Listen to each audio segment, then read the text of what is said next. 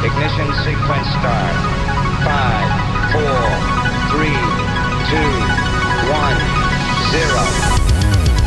Quantum leap. Salto quântico, salto quântico, salto quântico. Salto quantico. Salto quantico. Salto quantico. Kvanthopp, det du inte visste att du ville veta. Kvanthopp, just så heter det här programmet och Markus Rosenlund, det är jag det. Hörni, jag vet att barnuppfostran egentligen inte hör till det här programmet. Det gör däremot nyfikenhet. Nyfikenhet på hur saker och ting funkar. Livslång nyfikenhet. En av de viktigaste sakerna som vi kan lära åt våra barn, om man frågar mig. Eh, jag har än en gång påmints om det här på sistone när jag har besökt olika förskolor och lågstadieskolor och pratat för barnen om rymden och svarat på deras frågor. Först och främst är jag imponerad över hur djupsinniga och svåra frågor barnen kommer med. Vad finns inuti ett svart hål? Faktum är att ingen har någon aning om det. Varför? Varför lyser stjärnorna? Varför är Pluto inte en planet längre? Varför? Ett av de bästa ord som vi kan lära ut åt våra barn. Varför? Den bästa frågan någonsin, påstår jag. Eh, jag är inte en perfekt pappa, långt ifrån. Jag är ofta trött efter jobbet och ibland skriker jag åt mina pojkar fast jag inte borde. Och jag är inte alltid bra på att hålla fast vid mina principer som att inget godis på en vardag och ingen Playstation efter klockan sju på kvällen. Men det finns en princip som jag står fast vid, benhårt. Det är någonting som jag lovade mig själv för länge sedan. Och det är att aldrig svara därför när mina barn frågar varför. Hur jobbig min dag än har varit och hur trött jag än är, om mina barn frågar varför, vad det än gäller, så försöker jag svara så uppriktigt och klart och tydligt som jag kan. Förklara varför det är si eller så, utan att låta irriterad eller sarkastisk. Jag förväntar mig inte att de alltid gillar svaret eller att de alltid ens kan svara. Ibland måste man säga som det är, jag vet inte. Men jag vill att mina barn lär sig att det alltid är okej att fråga varför och att de fortsätter med det när de växer upp. Att de inte blir såna där låtsasvuxna som inte vågar visa att de inte vet allt det där som man borde veta som vuxen för att det är så pinsamt att fråga varför tills man verkligen förstår någonting. För det är aldrig fel att fråga varför. Faktum är att vi är riktigt illa ute som samhälle sedan när vi börjar begränsa folks rätt att fråga varför, att ifrågasätta auktoriteter, om det sedan handlar om föräldrar eller politiska och religiösa ledare. Det finns gott om sådana länder och i ett sådant land vill jag inte att mina barn ska behöva bo. Och det enda sättet att motverka ett sådant samhälle är att lära barnen från allra första början att det alltid är okej att fråga varför, hur trötta mamma och pappa än är och att man aldrig behöver få den där kalla sarkastiska disktrasan kastad i ansiktet på sig, den där som heter därför, också känd som för att jag säger så. För det är på riktigt ett jättedåligt svar och vi är skyldiga våra barn bättre än så. Om ni inte håller med och, och nöjer er med det här så fråga mig gärna varför.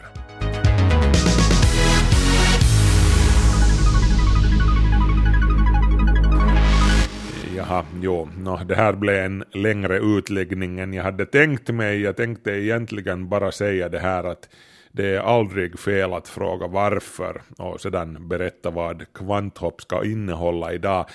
Så helt kort om innehållet ännu. Vi ska bland annat bege oss till Söderfjärden i Vasa och tala med Mats Andersén som har skrivit en bok, en tidsresa hundratals miljoner bakåt i tiden då en stor sten från rymden slog ner och skapade en av världens finaste meteoritkratrar. Så det här är Finlands vackraste meteoritkrater. Det är en av jordens bäst bevarade kratrar med den här eh, höga åldern. Och så ska vi gå på en produktutvecklingsmässa på Aalto-universitetet i Otnäs där unga hugade uppfinnarjocken presenterar sina prylar och snilleblixtar. Teamet har utvecklat en handfull prototyper av så kallade smarta skor. De fick bland annat i uppdrag att klura ut ett sätt att få elektrisk energi till skorna utan att använda batterier som måste laddas. Kvanthopp snabela yle.fi sådant på kommande i dagens kvanthopp och nu blir det notiser.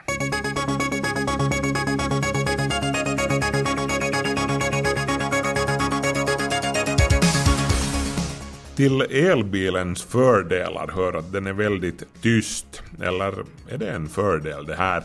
Det har ju faktiskt visat sig att risken för att bli påkörd ökar när man inte hör bilen komma körande, speciellt i stadstrafik. EU kräver därför att alla eldrivna fordon som säljs inom unionen måste ge ifrån sig ljud när de kör i låga hastigheter från och med 2019. Ny Teknik skriver om det här. Men hur kommer då elbilarna att låta? Det är inte bestämt ännu, men troligen handlar det om två eller fler frekvensområden så att man ska höra när bilen ändrar hastighet. Det ska också framgå klart från ljudet att det handlar om en bil, så fågelkvitter eller signaturmelodin från Stjärnornas krig kommer knappast att godkännas som billjud. En expert som Ny Teknik har talat med tror att det här kan bli ett problem för bilindustrin, det här med hur elbilen låter. Det kan rent av minska på folks lust att köpa elbilar om eftermiddagsrusningen är full av en massa elbilar som surrar på som irriterande flugor. Det antarktiska istäcket smälter nu med en sådan fart att det har börjat synas i jordens tyngdkraftsfält, skriver Science Daily. Forskare vid Bristol University har studerat data från Europeiska rymdorganisationen ESAs Cryosat 2-satellit. Det här är en satellit som håller koll på glaciärerna och mäter deras tjocklek med hjälp av radar.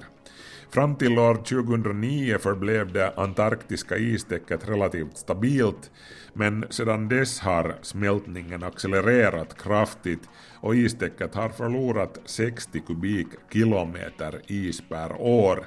Ungefär 300 kubikkilometer smältvatten har runnit ut i havet sedan 2009. Istäcket på den antarktiska halvön till exempel blir just nu fyra meter tunnare varje år. Och den här trenden bekräftas alltså av NASAs GRACE-satellit som registrerar förändringar i jordens tyngdkraftsfält. Istäcket kring Antarktis har den funktionen att det bromsar glaciärernas färd mot havet, men då det istäcket krymper får det glaciärerna att öka på hastigheten och avsmältningen ökar ytterligare. Orsaken till smältningen är det allt varmare havsvattnet kring Antarktis. Höftledsproteser höjer i allmänhet rejält på livskvaliteten för dem som får dem inopererade. Men också proteserna slits och korroderas med tiden och det här skapar problem och negativa biologiska reaktioner, bland annat när bortnötta partiklar och metalljoner från protesen samlas i kroppen. Enligt en doktorsavhandling vid Uppsala universitet kunde höftledsproteser göras mer hållbara och långlivade om man gav dem en keramisk kiselnitridbeläggning. Det här ger inte bara mer slitstarka proteser utan nötningsprodukterna som oundvikligen bildas ger inte upphov till samma sorts negativa biologiska reaktioner i kroppen som de nuvarande materialen. Kiselnitrid accepteras nämligen lättare av kroppen än metallerna i de nuvarande proteserna. Allt som allt tyder laboratorieförsöken med kiselnitridbeläggningar på mycket lovande egenskaper, skriver forskning.se och det kan i slutändan leda till proteser som aldrig behöver bytas ut men det krävs fortsatt utveckling och förståelse innan man kan tillämpa det här på proteser som opereras in i patienter. Sjukdomar som sprids av insekter, till exempel malaria, kunde bekämpas effektivare genom att vi utvecklar lampor som inte lockar till sig så mycket insekter då det är mörkt, skriver The New York Times. Tumregeln här är att ju varmare färgtemperatur, alltså ju mindre blått i lampans sken, desto mindre lockas insekter till lampan. Forskare på University of Southern California testade olika sorters lampor och kom till att de så kallade lågenergilamporna, de här små lysrörslamporna, lockade överlägset mest insekter till sig. Forskarna testade också en LED-lampa vars färgtemperatur gick att justera och de kom till att ju mer man vred upp färgtemperaturen desto färre insekter drogs till lampan. 20% färre närmare bestämt. Det här är viktig information eftersom man antar allmänt att LED-lampan kommer att bli mycket populär i tredje världen i framtiden, bara priset på den faller ytterligare eftersom den är så energisnål. Och då är det ju ett plus att den drar till sig så få smittobärande insekter som möjligt.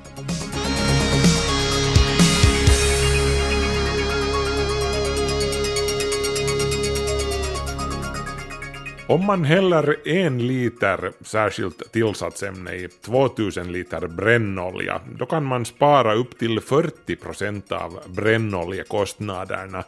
Eh, det hävdar ett företag som marknadsför sin produkt, tillsatsämnet Pari.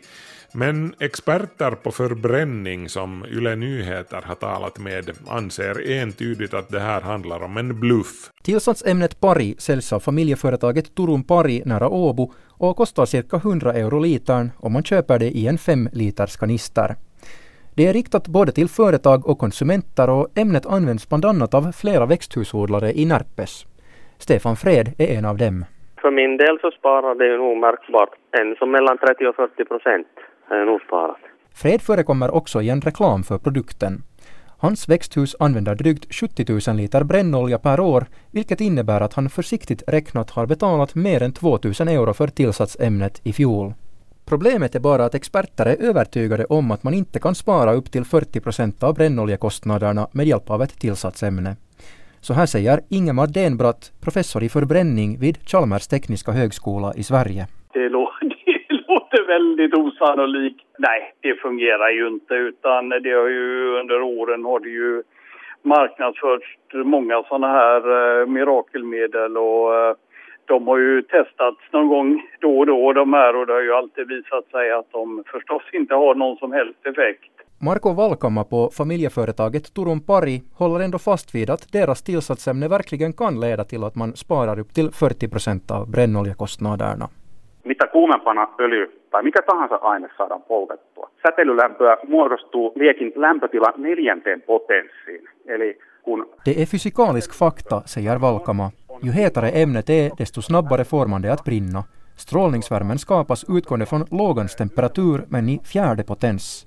Vårt ämne gör att oljelågans temperatur ökar med mellan 50 och 100 grader och när en oljepanna bränner oljan ungefär i 1100 till 1200 grader så kan man slå på 100 grader på det och dra slutsatser om vad det innebär för strålningsvärmen, säger Valkama.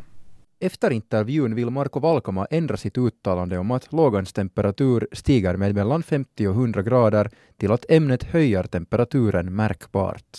Professor Denbratt på Chalmers tekniska högskola håller inte med. Om man höjer temperaturen 100 grader så eh, ja, man ökar värmeöverföringen lite grann. Men eh, varför en 100-gradig ökning skulle ske, det kan man ju fråga sig. Och, och, och varför i så fall eh, verkningsgraden skulle bli, bli så fantastiskt mycket bättre. Det finns ingen fysikalisk förklaring till det faktiskt. Företagaren Valkama menar att Teknologiska forskningscentralen VTT inte har varit intresserad av att granska företagets produkt. Det överraskar inte Nils-Olof Nylund på VTT som säger att det för en expert är lätt att konstatera att det handlar om en bluff. Då är det inte i centralens intresse att satsa tid och pengar på en officiell undersökning. Ville Valkama, som också jobbar vid familjeföretaget Turun Pari, anser att VTT inte är en oberoende aktör. På Chalmers tekniska högskola anser man däremot att centralen är oberoende. Marko Valkama säger att man har gjort försök att få produkten Pari granskad av en extern aktör. Olemme tarkistelleet, mistä kaikkialta niitä, niitä yhteistyökumppaneita löytyisi. Löytyy Norjasta, Saksasta. Vi har kollat var det skulle vara möjligt. Det finns sådana laboratorier till exempel i Norge och Tyskland, men de kräver så stora investeringar att vi inte ännu har kommit till det stadiet att vi vill satsa på det. Men vi har nog vetenskapliga resultat om vår produkt, säger Valkama. När Yle Nyheter frågar vad han menar med vetenskapliga studier eller resultat så svarar Valkama så här. Tieteellinen näyttöhän on, on esimerkiksi otetaan, otetaan tuota kymmenkunta asiakasta, joilla kaikilla toteutuu sama säästö. Niin silloin se on, tieteellinen näyttö on siinä jo. Med vetenskapliga studier menar jag till exempel att vi har ett tiotal kunder som alla har lyckats spara lika mycket brännolja efter att de tog i bruk vår produkt. Det är vetenskap det, anser Valkama. Konkurrens och konsumentverket har ändå en helt annan syn. Verkets jurist Katri Väänänen förklarar vad det är som gäller när det handlar om marknadsföring. Jos jonkun tuotteen ominaisuuksista tai tehosta esittää jotain tällaisia konkreettisia tosiasiaväittämiä, niin silloin tietysti pitää pystyä myös todistaa luotettavin tutkimustuloksin. Enligt Väänänen räcker det alltså inte att hänvisa till ett antal nöjda kunder, vilket Turun Pari nu gör, utan det gäller att hänvisa till pålitliga vetenskapliga studier. Det innebär att myndigheten troligen kommer att granska företagets marknadsföring närmare och kanske också kräva förändringar i den. Tre personer har klagat till Konkurrens och konsumentverket den här månaden om tillsatsämnet. När tillsatsämnet pari används i växthus sägs det också kunna öka skörden och effektivera blomningen. Det har ändå växthusodlaren Stefan Fred inte observerat. No, jag, jag har inte märkt något, det måste jag ärligt säga. De här som säljer ämne påstår ju nog kanske det ska inverka på, på skörden, men det kan jag inte uttala mig om, tyvärr. Det beror på så mycket, mycket annat i ett växthus, väder och vind. Stefan Fred har ändå i samråd med Turun Pari skrivit under ett dokument där det står att han är säker på att användningen av tillsatsämnet märkbart har bidragit till odlingsframgången. Jo, det har jag skrivit under, det stämmer, men att, att just det där året så kom det ju en större sjö nu. Men det, det där större skörden beror ju på soltimmar och, så, och hur du lyckas med all, all, allt övrigt i huset. Det finns ju tiotal faktorer som beror skörden på. Fred känner sig ändå säker på att han inte har blivit lurad att använda ett humbugmedel utan effekt. Jag har sagt någon gång att kanske mina konkurrenter eller mina odlingsbröder säger att jag skulle måste testa utan ett, det där ämnet ett år. Men jag har inte råd bara utan det ett år. Samtidigt ser företaget bakom tillsatsämnet Pari en stor tillväxtmöjlighet för sin produkt. Marko Valkama igen. Potentiaali on valtava ja myyntituotteeksi tästä, siis vientituotteeksi meillä, meillä on ja vientifirmaksi me tässä ponnistelemme koko ajan. Valkama säger att potentialen är mycket stor och att de hela tiden försöker utveckla sitt företag så att de kan börja exportera. Vi vill växa till en sådan storleksklass att varje finländare kan vara stolt över den miljövänliga teknologi som vi producerar, säger han. Företaget Turun Pari har nyanserat sin reklam en hel del efter Yle Nyheters granskning, men de påstår fortfarande på sin webbplats att man kan spara 40 procent av brännoljan, ja till och med mera än 40 procent när man använder det här tillsatsämnet. Reporter här var Niklas Fagerström. Kvanthopp, det du inte visste att du ville veta. Det finns 188 åtta meteoritkratrar på vår jord som vi känner till. I Norden och Baltikum finns det 29 och här i Finland har vi 11 stycken kratrar. Söderfjärdens meteoritkrater den ligger 10 kilometer söder om Vasa och räknas av många som en av de mest välbevarade och vackra kratrarna i världen. Den är kännspakt cirkelformad, den har en diameter på knappt 6 kilometer och det maximala djupet har en gång varit 300 meter. Hittills har man ansett att nedslaget som skapade kratern inträffade för ungefär 520 miljoner år sedan, men alldeles färsk forskning menar nu att kratern kan vara så pass gammal som 640 miljoner år eller ännu äldre till och med. Peter Falund gick iväg och träffade Mats Andersén som ansvarar för utveckling och drift vid besökscentret Meteorian mitt i Söderfjärdens krater. Han är också aktuell med en bok om händelseförloppet kring det stora nedslaget. När himlen faller ner, en världsresa genom årsmiljoner med meteoritkratern Söderfjärden, så heter den bok som Mats Andersén nu publicerar. Och eh, vi står, eh, kan man säga, nästan på mitten av eh, Söderfjärden där meteorian finns. Kan du ta oss med på en tidsresa cirka då 520 miljoner år tillbaka i tiden? Vad hände och hur var det när meteoriten kom? Ja, det var troligen ett grunt hav där vi nu befinner oss. Och så ser vi då en uppflammande eldboll som är på väg ner mot jorden, närmar sig mycket snabbt, börjar brinna i kanterna, det lossnar bitar av den och, och den eh, rusar på några sekunder ner mot havsytan och slår ner och exploderar här och gör en jättestor krater, urgröpning i havsbotten som inte är så långt under havsnivån. Och eh, då uppstår först värmestrålning omedelbart efter. Sen kastas det ut bitar, eh, stenar, eh, grus och material ur bottnen som eh, kastas kilometerstals stora stenar och de minsta partiklarna flyger upp till 100 kilometer iväg från den här platsen. Och Sen så börjar det då bildas ett svampmoln som liknar en, ett svampmoln från en atombombsexplosion ovanför nedslagsplatsen och det kokar och havsvatten som rinner till avdunstas under lång, lång tid. Eh, modern forskning under de senaste åren har visat att eh, det kan röra sig om upp till Eh, tusentals år som värmen finns kvar eh, på en sån här nedslagsplats. Eh, I stora nedslagsplatser så kan det vara frågan om upp till miljoner år. Mm. Vad hände med det liv som eventuellt fanns här?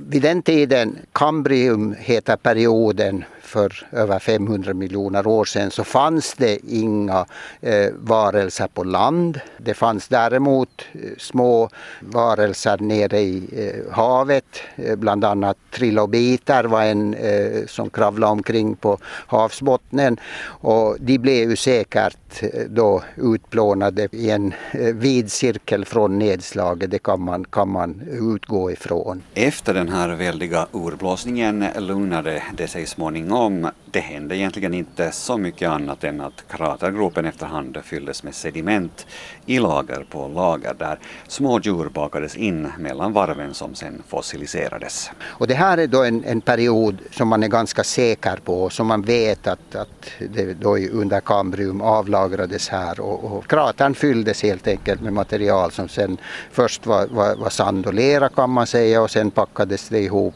så småningom till sandsten och lersten. En nyhet i sammanhanget är att Söderfjärdenkratern kan vara betydligt äldre än 520 miljoner år. I fjol gjordes nämligen en noggrannare tidsbestämning genom den så kallade argonmetoden och geologer tror nu att kratern kan vara 640 miljoner år eller mer. Men, säger Mats Andersén, den är inte bekräftad så att vi använder åldern 520 miljoner år fortfarande här i vår presentation vid meteorian. Mm. Om vi återvänder lite mer till våra tider då så, hur står den här kratern sig med, med de andra som finns på olika håll runt om i världen? Alltså hur unik är Söderfjärdenkratern? No, den är ju unik på det sättet, alltså om man ser till antalet så finns det idag bekräftade 188 kratrar på hela jorden. Och det här är då en av dem, en av Finlands elva kratrar.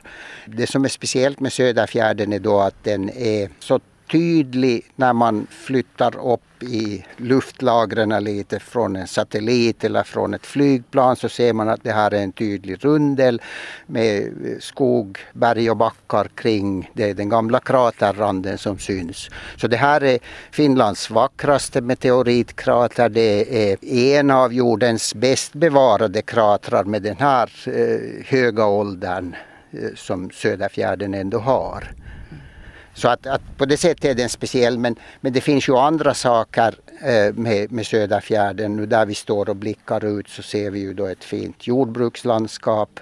Vi ser och hör en del fåglar. Eh, vi hör lärkan i skyn här nu och jag eh, hörde just precis nu av en fågelskådare som var här eh, vid meteorian att fjällpiparen finns här ute på Söderfjärden och det är en mycket sällsynt fågel som ytterst få människor har sett. Den är här nu och är på väg upp till Lappland för att häcka. Söderfjärden är också den kanske mest betydande rastplatsen för tranor i Finland. Har man tur kan man bonga upp till 8000 tranor på en och samma gång vid flyttningstider.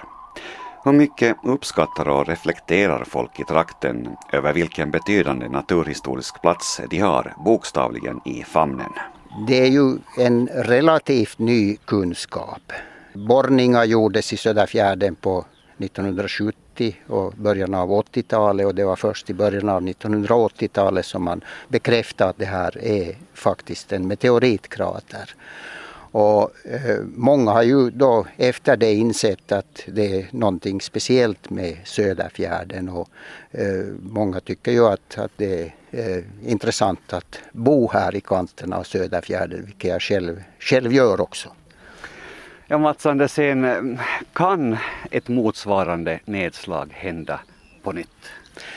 Det eh, måste vi utgå ifrån att det kan. För att jag skriver i, i, i min bok här om eh, de massor av asteroider och Eh, meteoriter som eh, cirkulerar runt om i eh, världsrymden, i, också i jordens omedelbara närhet.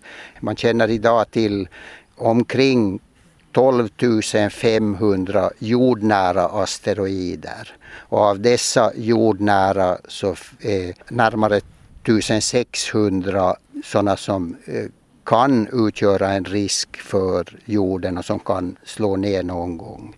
Det finns inget omedelbart hot, det vill jag understryka att ingen ska liksom eh, tycka att det är på det sättet. Men jag vill ändå påminna om att eh, det som hände i eh, Tjeljabinsk i Ryssland Eh, vintern 2013 när en eh, nästan 20 meters klimp kom helt eh, oväntat ner. Det var ingen som hade, hade sett den tidigare och ingen som kunde se den heller då eftersom den kom precis från den uppgående solen så plöjde den genom lufthavet ovanför Tjeljabinsk och exploderade i flera repriser och slog sönder fönsterrutor och, och ungefär 1500 människor blev skadade men dessbättre blev ingen dödad. Och frågan många ställer sig är förstås vad som skulle hända om ett motsvarande nedslag inträffar igen. Följderna skulle bli gigantiskt förödande, säger Mats Andersén, som också skriver om ett eh, sådant scenario i sin nya bok. Det finns vetenskapliga undersökningar eh, gjorda eh, och, och det betyder att till exempel Vasa som nu, centrum av Vasa som ligger ungefär 10 kilometer härifrån, nog skulle mer eller mindre utplånas i ett sådant nedslag. Och ända över på, på, på svenska sidan till Umeå så skulle det eh, uppstå eh, följder av ett sådant nedslag. Helsingfors skulle klara sig ganska bra. Eh, det skulle knappast hända just någonting. Man skulle känna ett litet muller, ett litet darrning i marken på, på det avståndet som då är ungefär 400 kilometer härifrån. Men huvudstadsborna ska alltså klara sig? I, i ett sådant fall, ja. Det var Mats Andersén som gav oss en inblick i händelseförloppet när Söderfjärdens meteoritkrater bildades. När himlen faller ner heter alltså hans nya bok som finns ute nu. Reporter var Peter Falund. Kvanthopp, det du inte visste att du ville veta. Alldeles strax ska vi gå på Product Design Gala i Otnäs. Ett evenemang där unga innovatörer och produktutvecklare visar upp sina snilleblixtar. Smarta skor tycks vara den senaste grejen. På Aalto-universitetet i Otnäs arrangeras årligen evenemanget Product Design Gala. En kurs i produktutveckling kulminerar i en gala där eleverna presenterar vad de har arbetat fram under det gångna året. De flesta prototyperna som presenteras på galan är beställningsarbeten som har finansierats av olika företag. Men man stöter också på produkter som studeranden har utvecklat helt med egna medel. Jag åkte till Lotnäs för att se vad som presenteras i år. Vi står här vid någonting som ser ut som en del av en flygplanskabin med lite säten och handbagageutrymme ovanför stolarna. Uh, Max Johansson, du studerar maskinteknik och är en i teamet bakom det här. Va, vad handlar det här om? Uh, det här är ett produktutvecklingsprojekt som vi har gjort för Airbus. Tema är att förkorta tiden för passagerarna att borda flyget och deboarda. Hur har ni tänkt lösa det? Uh, vi har åtta olika lösningar. En del är små förbättringar som ska hoppeligen göra eh, boardingen enklare.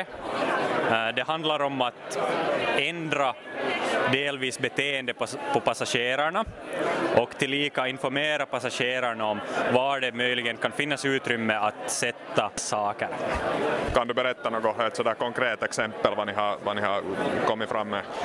Ett konkret exempel är informationssystemet för var var det finns utrymme att lägga saker i overheadbinnen. Alltså det finns, vi har lagt givare inuti overheadbinnen som känner av om det finns saker där och du kan se utifrån av en LED-indikator om det finns utrymme. Så i situationen att du är den sista som boardar planet, alla binnar är stängda, så du kan inte direkt se om det finns utrymme och oftast så är det ganska fulla när du är sista som kommer ombord. Men nu kan du med hjälp av ledarna se om det finns en bin som är tom och det är bara till att lägga sina saker dit och gå och sätta sig. Du sa att det var ett beställningsarbete från, från Airbus. Vad har ni fått för feedback därifrån? Eh, både bra och dålig. Eh, de gillar en del idéer och andra inte så mycket. Och till stor del handlar det om, om det att flygplansindustrin är ganska konservativ och det räcker mycket länge före man kan implementera nya lösningar. Sakerna vi har gjort har blivit ganska små så att säga, just för orsaken att, att det tar länge att få, få nya saker godkända. Hurdan finansiering har ni fått från Airbus? Ehm, kostnaderna delas mellan Airbus och Aalto-universitetet och budgeten som vi har haft har varit 10 000 euro varav cirka 2500 har gått åt till resor för att eh, vi har haft ett distanslag från Stockholm från eh, Kungliga Tekniska Högskolan. I vårt team är vi 14 medlemmar varav fyra är från KTH, resten är från Aalto och bland med finns också utbytesstuderanden som studerar i Aalto.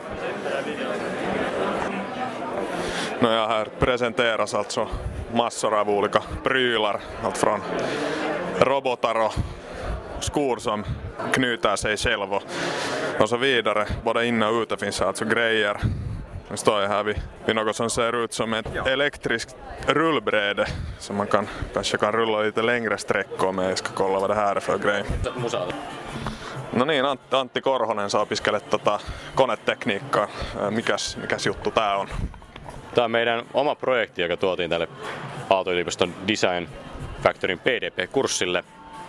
Idea lähti siitä, kun mun pyörä... Korhonen som studerar maskinteknik berättar att hans team hade som mål att kombinera ett elektriskt rullbräde med ett terrängrullbräde. Idén fick han då hans cykel stals förra sommaren och han behövde ett nytt färdmedel. Den elektriska terrängskateboarden har en elmotor med 2,5 hästkrafter och lär vara totalt olaglig. Miten, tota, miten lujaa tällä pääsee? No, me ei ole vielä päästy huippunopeutta testaamaan. Et ensinnäkään me ei otettu mitään turvallisuusriskiä, että joku nyt murtaa jalkansa gaalaan mennessä. Toiseksi ei me ole haluttu, että tämä laite tuhoutuu millään tapaa. Topphastigheten har inte ännu testats då eleverna ville undvika benfrakturer innan galan, men han tror nog att den kommer att gå riktigt fort. I nuläget sätter Finlands lagstiftning bokstavligen käppar i hjulet när det kommer till att massproducera det till synes livsfarliga färdmedlet, men Korhonen säger att enskilda beställningar inte borde vara något problem. Dryga 2000 euro gick åt till att utveckla prototypen. Miten tämä tota, ohjaaminen niin kuin onnistuu? No, meidän on ollut mukana kehittämässä paljon skeittareita ja kyllä skeitteille on tärkeää se, että se tuntuma on oikein. Niin nämä etupyörät kääntyy sitä mukaan, kun lauta kallistuu. Ei se sun painopistettä siirtämällä Man reglerar alltså farten med en trådlös styrspak och framhjulen vänder sig beroende på hur föraren lutar sig. Korhonen säger att skateboarden är farlig nog utan att man måste fundera på rutten till målet och därför har teamet installerat ett GPS-navigationssystem och en pil i ändan av skateboarden visar den rätta riktningen. Vid korsningar informerar ledlampor om det är vänster eller höger sväng som gäller. Goran Bealayats är med i teamet som har fått i uppdrag av det indonesiska skoföretaget Burka att utveckla smarta skor. Halva teamet studerar vid Stanford-universitetet i Kalifornien och den slutliga produkten kommer att presenteras där om en vecka. The task was to design a smart shoe.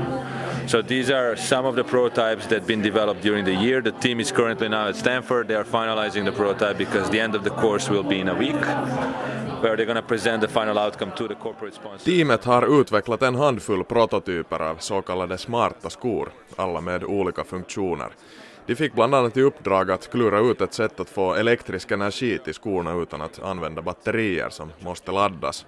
Problemet löstes genom att montera en dynamo från en cykellampa på skorna. Det lyckades med hjälp av dynamon omvandla rörelseenergin från promenerandet till elektricitet som driver halogenlampor framme på skorna. The light is actually powered.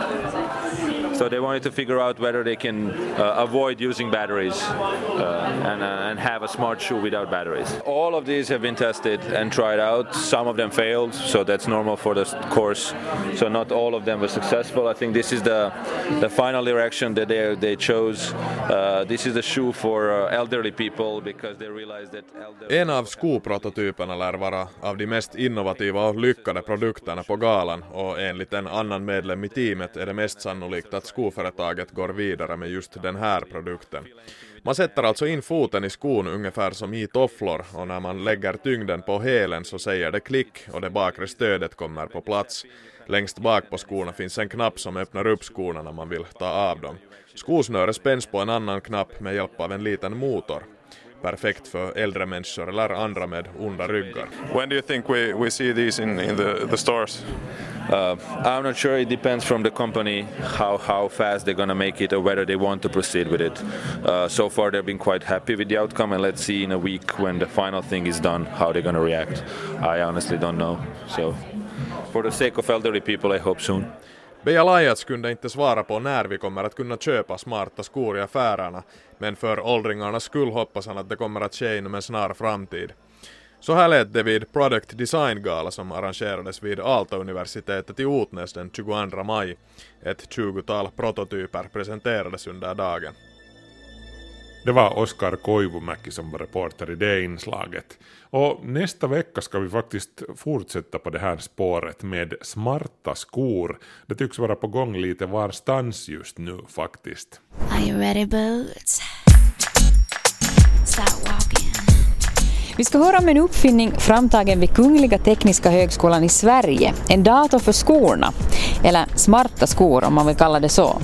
Apparatur som registrerar precis hur en persons fötter rör sig och som sänder vidare informationen efter behov.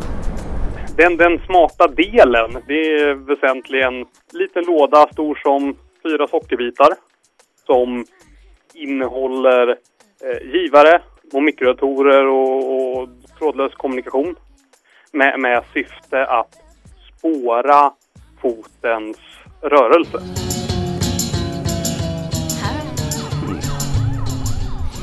Vad allt den här uppfinningen kan användas till är det bara fantasin som sätter gränser för. Men forskarna har främst tänkt på brandmän som ska röra sig i brinnande hus där GPS fungerar bristfälligt. Med hjälp av fotdatorn kan brandmännens rörelser i detalj följas med av brandpersonal som står utanför huset. Rökdykarledaren och insatschefen som står utanför, de ser helt enkelt på en, eh, en skärm var, han har, var man har sina gubbar. Forskaren John-Olof Nilsson vid Kungliga Tekniska Högskolan hör du mera i nästa veckas Kvanthopp. These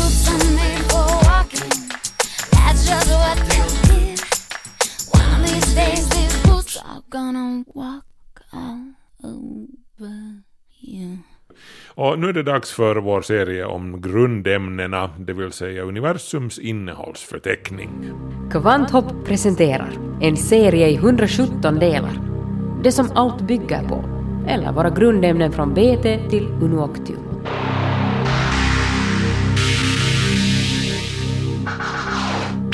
Atomnummer 98, Kalifornium, kemiskt tecken CF, hör till aktiniderna och transuranerna. Väldigt radioaktivt. Av 20 kända isotoper är kalifornium 251 den stabilaste med en halveringstid på 898 år. Det var väl mer eller mindre oundvikligt att delstaten Kalifornien skulle få ett grundämne uppkallat efter sig. Så pass många av branschens tungviktare associeras med den amerikanska västkusten och speciellt då University of California i Berkeley.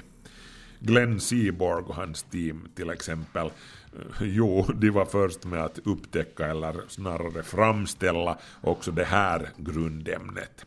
Eller i ärlighetens namn så är Kalifornium faktiskt uppkallat efter just University of California snarare än själva delstaten. Men nåja, Kalifornien hur som helst.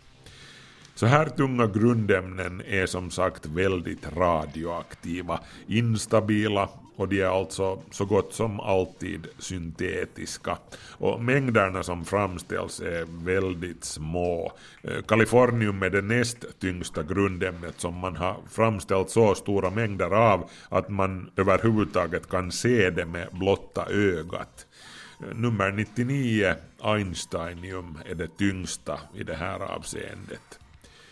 Kalifornium hör till de få grundämnen med så här högt atomnummer som man faktiskt har hittat på nyttiga tillämpningar för.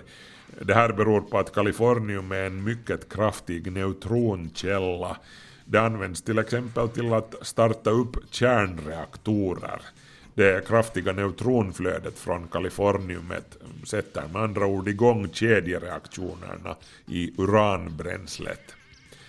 Kalifornium har också använts som neutronkälla i olika former av cancerbehandling, till exempel hjärntumörer och livmodercancer, där andra sorters strålterapi inte går att tillämpa. Man utnyttjar också kaliforniumets neutronstrålning för så kallad neutronradiografi enligt samma princip som röntgenstrålning för att genomlysa byggnadsmaterial till exempel och svetsfogar för att hitta sprickor och svaga punkter. Till exempel i flygplansmotorer och vingar och i olika sorters vapen. Så används kalifornium också i metalldetektorer, till exempel för att hitta guld och silver. Och också oljeborrare använder det i sina detektorer när de letar efter olja. Man kan också leta efter grundvatten med hjälp av detektorer som innehåller kalifornium som neutronkälla. Föga överraskande så spelar kalifornium ingen biologisk roll och ska helst undvikas för det är särdeles farligt för hälsan. Mycket små mängder av kalifornium finns fortfarande kvar i omgivningen som en följd av kärnvapentesterna i atmosfären som gjordes före år 1980.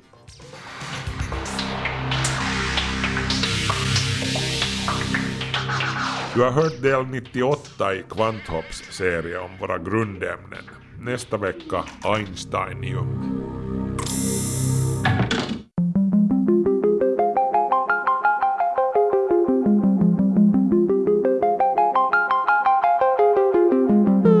Kvanthopp, det du inte visste att du ville veta. Just det gott folk, klockan har slagit så pass mycket nu att det är dags för mig, Markus Rosenlund, att tacka för sällskapet. Kom ihåg att titta in på vår Facebook-sida och så finns vi ju förstås också på Yle Arenan. Vi hörs om en vecka, hej så länge.